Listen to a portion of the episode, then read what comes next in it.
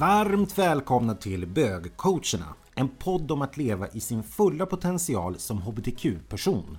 Och eftersom vi själva är bögar så kommer det bli en hel del bögsnack. Men självklart är mycket gemensamt för hela hbtq-familjen. Även du som till exempel jobbar med eller närstående till någon av oss hbtq-personer kan säkert ha nytta av att lyssna, få inblick i vår värld med tankar, känslor och utmaningar i livet. Vi hoppas på givande och underhållande timmar med oss.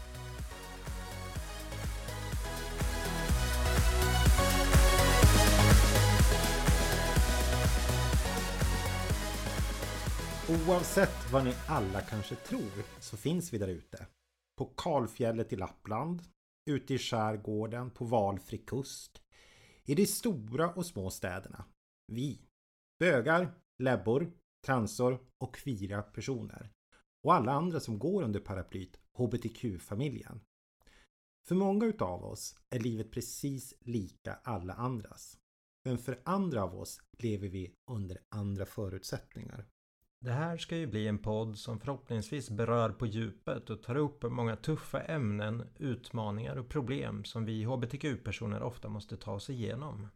Men vi tänkte att vi ville börja med något mer lättsamt och inspirera er där ute som kanske just nu går igenom en tuff period och kanske få någon att tänka lite mer positiva banor.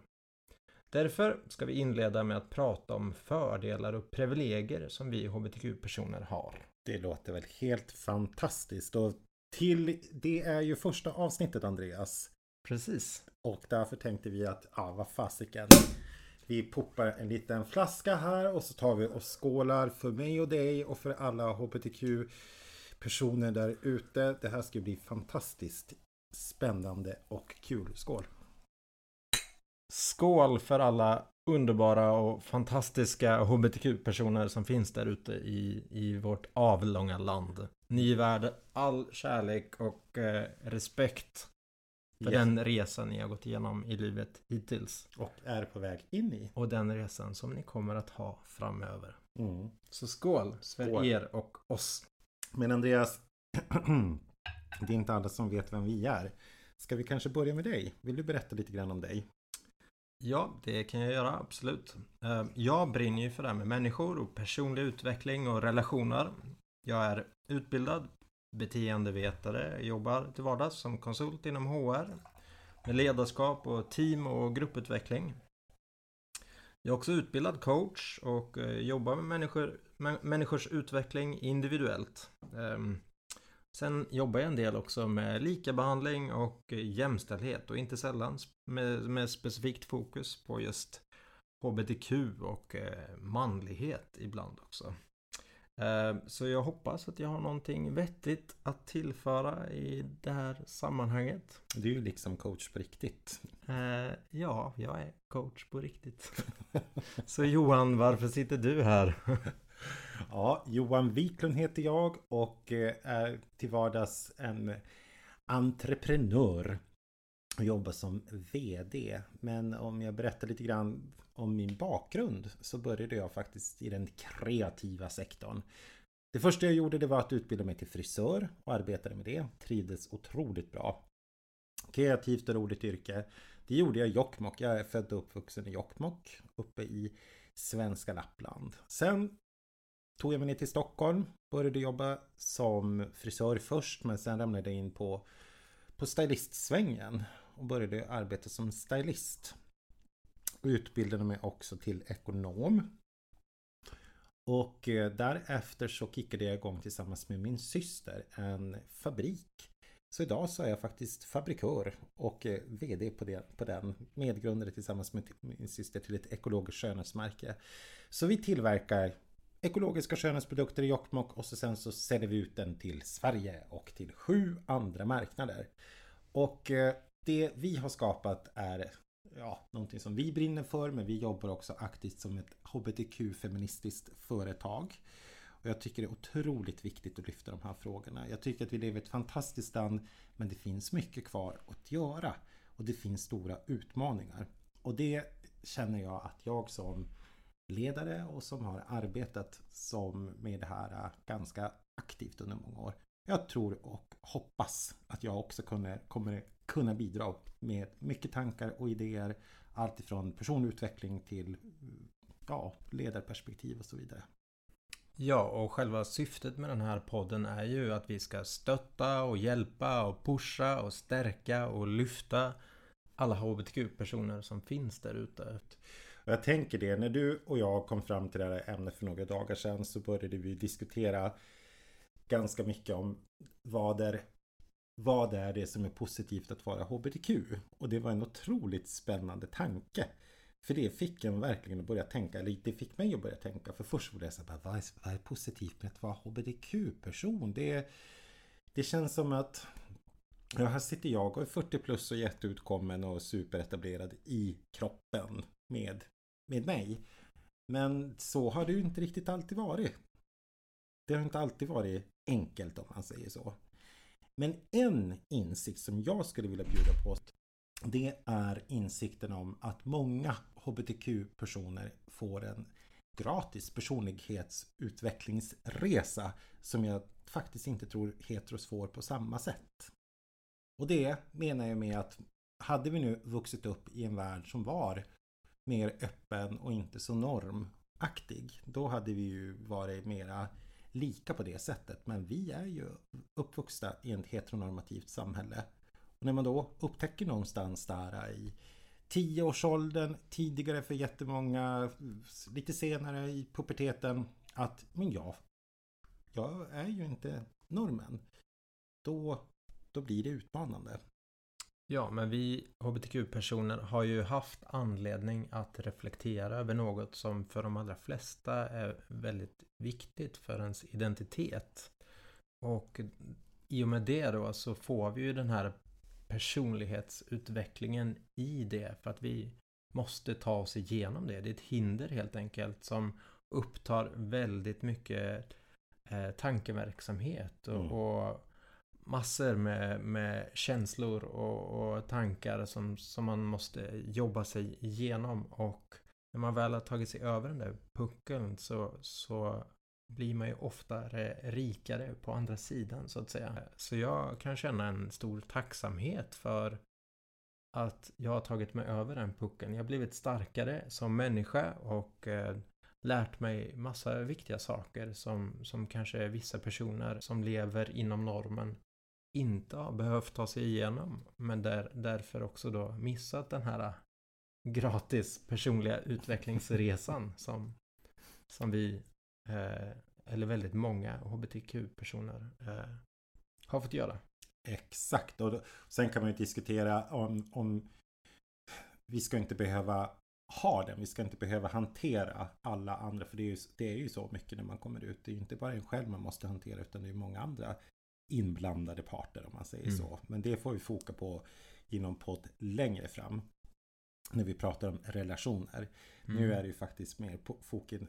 Vi kom ut på andra sidan och det, det stärkte oss som individer, som personer. Och det är ju otroligt, otroligt roligt. Eller ja, bra. Ja, framför mm. allt kan man väl säga. Mm, verkligen. Så vad har vi mer för grejer då som är positivt med att vara hbtq-person?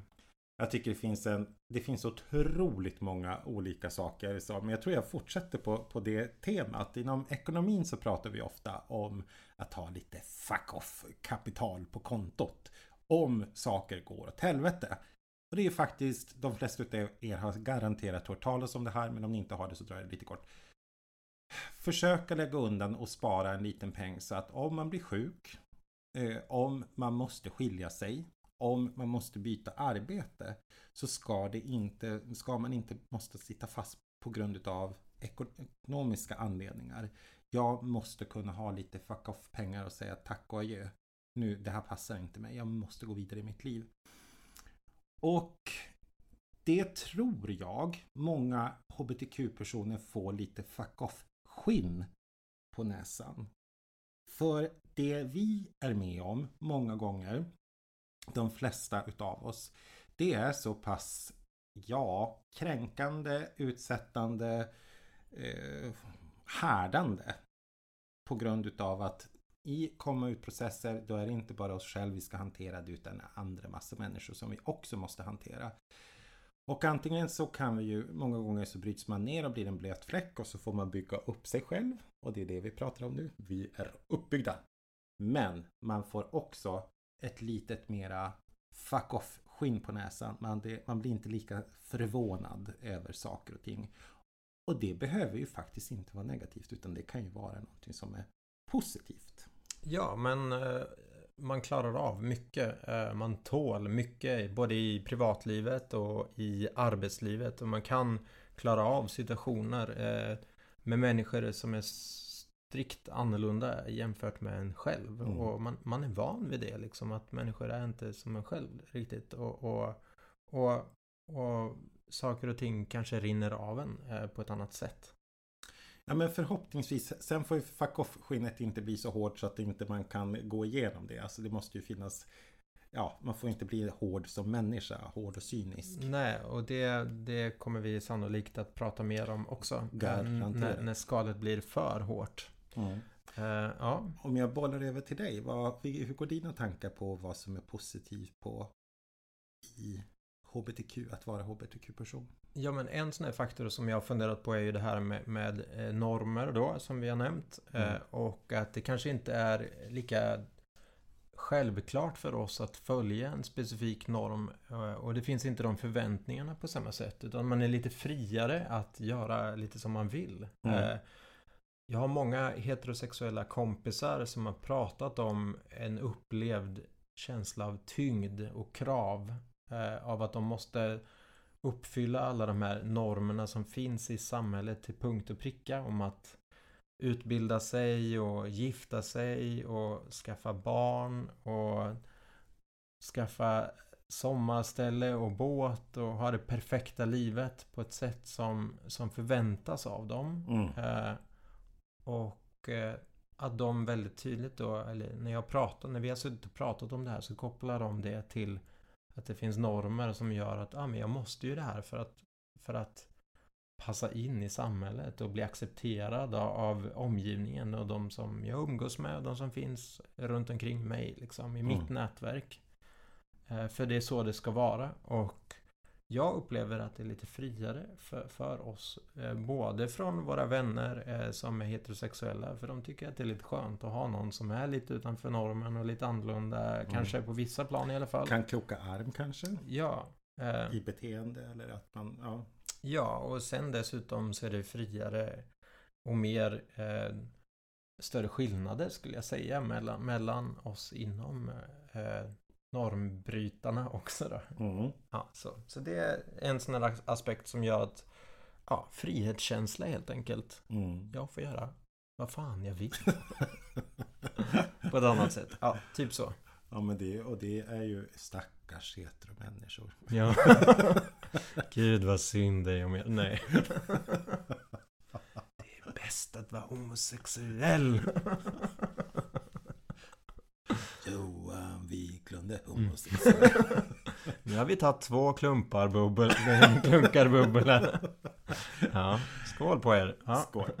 En annan sak som jag som vi brukar prata väldigt, väldigt mycket om. Och det tror jag att många inom HBTQ-världen får en utvecklad förmåga till kunna arbeta med mentalisering. Mm. Kan inte du utveckla det? Du, jag tycker du har så bra tala ut om den. Jag älskar ju begreppet mentalisering och det pratar vi väldigt mycket om när vi pratar om personlig utveckling. Mm. Eh, det handlar om att helt enkelt ställa sig i någon annans skor och kika ut på världen utifrån någon annans utkikston. Mm. Eh, genom någon annans ögon uppleva världen utifrån deras perspektiv och inte utifrån sitt eget subjektiva perspektiv.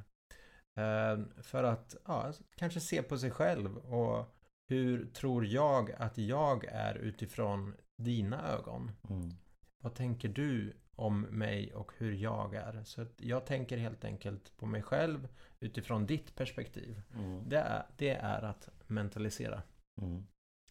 Och det tänker jag, det, det är någon förmåga som man faktiskt också utvecklas för att många gånger så i komma ut processer. Det är ju mycket som händer i de här komma ut processer för er som inte då kanske är eh, inom HBTQ-familjen men som naturligtvis kan lyssna på det här. Det är en jättestor grej. Och för er som kanske just precis nu befinner er i en komma ut-process så tar man ju ansvar många gånger till de personer som är runt omkring. Och, ja, och det är det som blir också det positiva sen längre fram. Att man kan ha ett, ett större ja, mentaliseringsförmåga. Mm. Kan jag tycka. Och den kommer man ju ha otroligt stor nytta av. Och det tänker jag, det är tips till alla egentligen. Att mentalisera mera. Du kommer tjäna otroligt mycket på om du lär dig att göra det aktivt. Använda det som ett verktyg för att ja, bli en eh, klokare människa helt enkelt. Mm. En annan sak som, som jag också tycker är en fantastisk sak att belysa. Det är faktiskt stoltheten över vart vi har haft turen att, att eh, bli födda i Sverige. För när man ser på hur det ser ut omkring eh, i hela, ja, många delar utav Europa men alltså utanför Sverige eller Europas gränser också så är det ju förfärligt att vara HBTQ-person. Och tidigare i, i våras så fick jag den stora, stora förmånen att få följa med Mia Tomsvik som arbetar med Regnbågsfonden och ner till Sydafrika vi var och eh, Regnbågsfonden för er som inte vet det, det är bland annat Jonas Gardell och massa andra fantastiska människor som har satt ihop en fond som stöttar förfärligt utsatta personer utanför EUs gränser kan man egentligen säga. Det kan behövas, ty i, om det var nu i Tjetjenien så brukar man eh, tejpa, alltså limma igen anus på män och så ger man laxermedel till dem och så går det ju ganska åt helvete kan man ju lugnt säga. Det är bara en utav fruktansvärt många grymheter som händer där ute. I eh, Kapstaden så var vi och besökte flera olika kåkstäder där då Regnbågsfonden har gått in och stöttat med medel på olika sätt för att försöka, ja men helt enkelt arbeta för den förfärliga förtrycken som våra systrar och bröder och framförallt systrar i mm. de här blir utsatta för. Och det är ju en sak som händer många gånger det är så här corrective rape. För att man tror någonstans att man kan, ja, ni hör ju. Det, det är helt förfärligt. När man kommer hem så måste man ju smälta alla de här intrycken, såklart. Mm. Och många gånger så kan man ju i tacksamhetens värld kännas nästan lite mer tacksamhetsskuld. Varför hur kunde jag ha sån tur på lotteriet som hamnade där, där jag hamnade? Det går ju inte att tänka så. För det, det, blir, det hjälper ingen. Det blir inte bra. Men det är jag otroligt, otroligt glad för att man kan gå till kyrkan och gifta sig med en man. Eh, man kan gå till en myndighet och säga här kommer jag med min man och han mår inte bra eller vi ska skaffa ett pass eller vad fasiken nu vi behöver göra och vi behöver inte vara rädda för att vi ska bli utsatt, utsatta på något sätt. Nej, det är en fantastisk förmån som vi har i Sverige ändå. Att mm. veta att vi har samhället eh, och statens stöd i, i alla sammanhang egentligen. Staten mm. har ju en otroligt tydlig värdegrund. Eh, där det ingår eh, väldigt tydligt perspektiv på hur man ja, jobbar med lika behandling och eh, alla människors lika rättigheter och möjligheter. Så att man kan kräva helt enkelt att bli behandlad korrekt eh, från ja, stat och myndigheter. Mm. Men det är ingenting vi ska ta för givet. Demokrati är ingenting som, som är för givet. Så därför så måste vi verkligen mobilisera oss, tänka och jobba och fortsätta att eh, arbeta framåt, tänker jag. Ja, och det går ju just nu i alla möjliga olika riktningar känns det som. Eh, mm. Både framåt och bakåt och åt sidan och, och åt alla möjliga håll. Men det eh. positiva är ju att eh, vi är ju ett framgångsland som väldigt, väldigt många personer tittar på. Mm. Från andra länder att försöka se vad gör Sverige för någonting som är väldigt, väldigt positivt. Mm. Och i och med att det är en positiv aspekt på HBTQ-temat, att vara eh, HBTQ-person, så, så, så får vi vara glada för det. Ja. Verkligen. Mm. Du brukar prata om det här med subkulturer. Ja. När man pratar med heterosexuella människor i, i, i min ålder ungefär, 30 plus. Plus plus. så upplever många att det är svårt att träffa nya vänner i vuxen ålder. Mm. Eh, För att ja, man redan har skapat sitt nätverk och man är helt enkelt, man har, man har kanske fullt upp med familj och barn och man har liksom inte utrymme för eh, fler vänner och bekanta och nya, nya bekantskaper på samma sätt som vuxen. Om man till exempel kanske flyttar till en annan stad och, och, och inte har något direkt nätverk där. Men som hbtq-person oavsett om det handlar om att röra på sig i Sverige eller Eh, om man reser utomlands och så, där, så upplever jag att inom subkulturen hbtq och inom ja, hbtq-familjen så är det väldigt enkelt ändå att, att skaffa nya bekantskaper för man har någonting gemensamt. Eh, så att det finns ett intresse och och nyfikenhet på, på andra människor som befinner sig inom eh, regnbågsfamiljen ändå. Mm. Det är ju det är ju verkligen Eh. sant. Ja, och vi, jag snackade med en kompis härom, häromdagen bara som blev, han var, han var ute på semester eh, och eh, var så överlycklig över att det var så enkelt att kunna få en så här gratis guide i en ny stad. Han behövde bara öppna sin app och snacka med någon snubbe och de träffades och tog en kaffe och så fick han en gratis guidning i staden där han befann sig och det är väl fantastiskt liksom. Jättebra. Ja, Han var så här sprudlande glad över, över den grejen liksom. Och det, En annan sak som jag tycker är lite härlig. Är, det är inte jätteofta det händer nu för tiden men nu och då händer det. Man eh, träffar kanske en ny bekantskap på ett eller annat sätt då utav det motsatta könet. Och så kan det väckas något form av intresse. He- Helt plötsligt så känner man bara gud, jag är inne i någon energigrej som inte jag riktigt förstår. För det som bög så fattar man ju inte riktigt om en kvinna flörtar med en. Tills man börjar fatta att oj, hon flörtar med mig. ja, okej. Ja, det, det tänker inte jag på så ofta heller. Det, men du, eh, du ser okänslig du är. Fy! Men berätta mer. Vad, vad tänker du? Vad händer då? Nej, men det som jag tycker är så himla häftigt. Det är ju när man breakar att, att jag är gay. Eller ja. Mm. Och helt plötsligt så, så, så blir det som en Ja Ett filter som bara försvinner. Och så möter man en människa. På ett helt annat sätt. Helt plötsligt så, så blir vi mera systrar.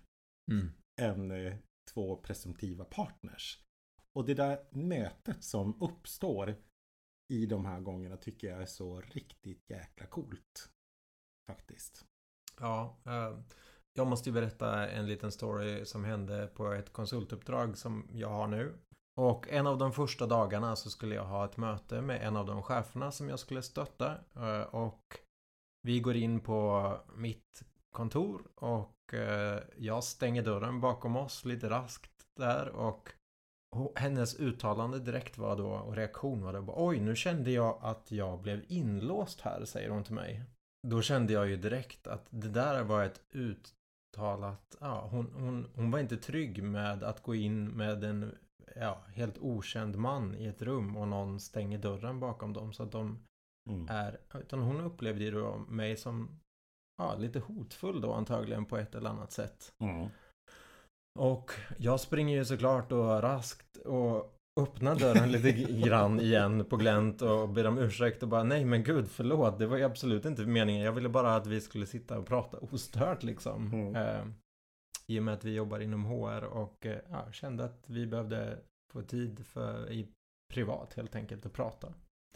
Eh, och eh, ja, sen, sen eh, har vi pratat om den här grejen. För vi har då också pratat just om jämställdhet och likabehandling och, och vikten av att jobba med de här frågorna på arbetsplatsen och sådär. Och då tog jag upp den här grejen att, ja men kommer du ihåg när, första dagen när, när vi såg så och det här hände och, ja. Och, Hon visste inte att du var gay då eller?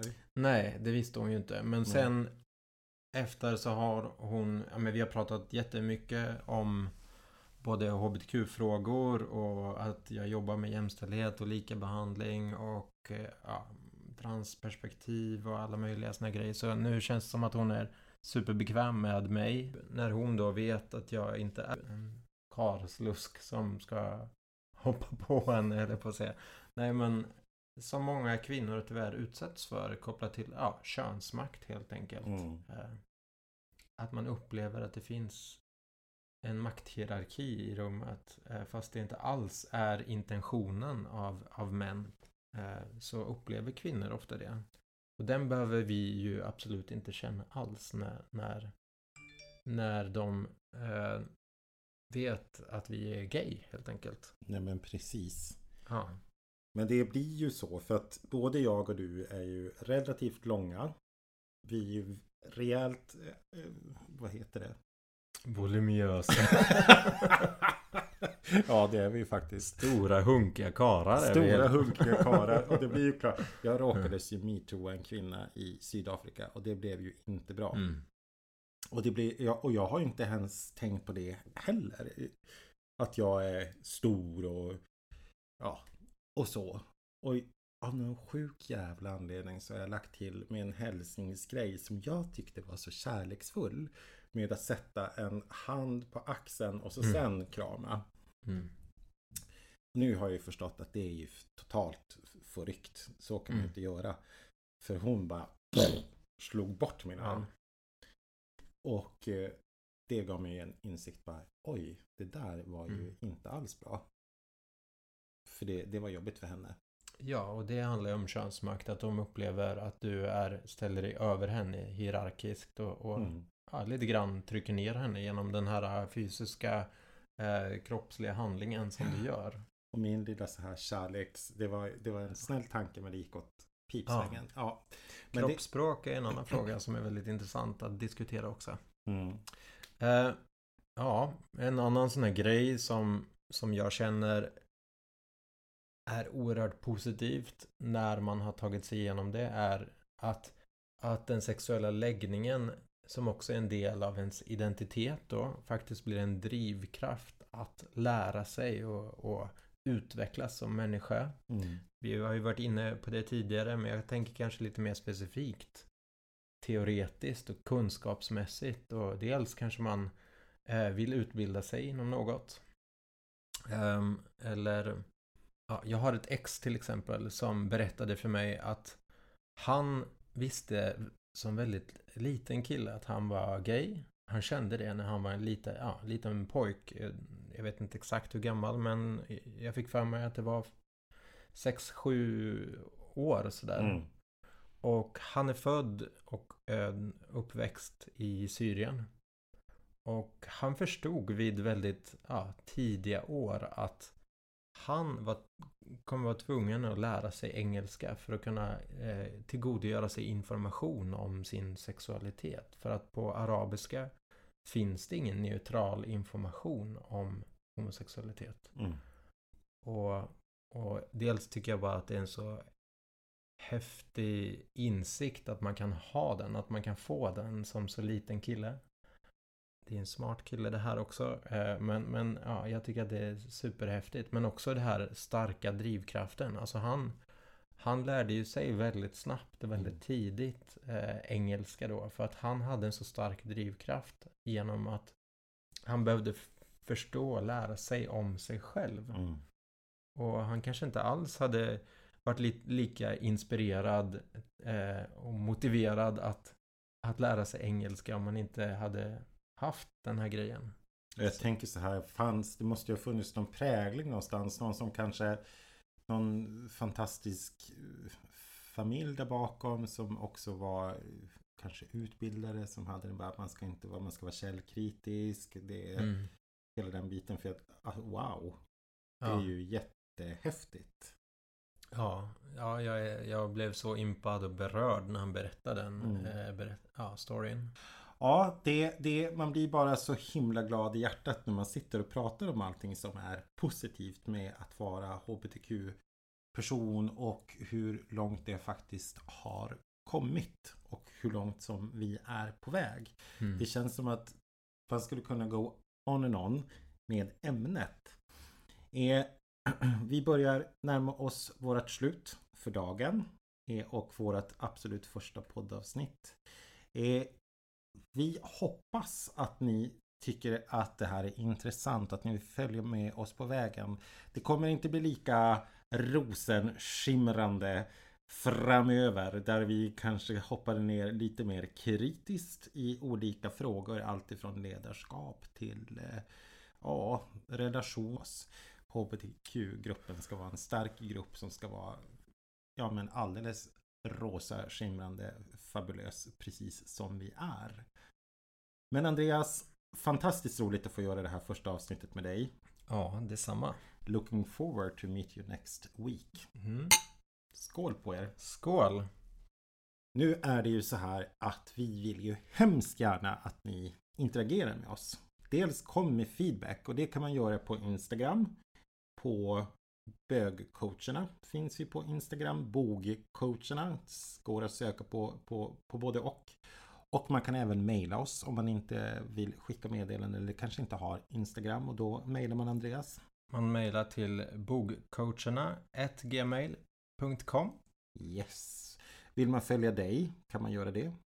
Man kan följa mig också. Jag finns på Instagram eh, på Andreas Nilsson STHLM Och jag kan man också följa. Även det på Instagram. Johan.viklund med W. Tack för idag hörni och ha en fantastisk positiv vecka. Tack för idag. Hej då! Hej då!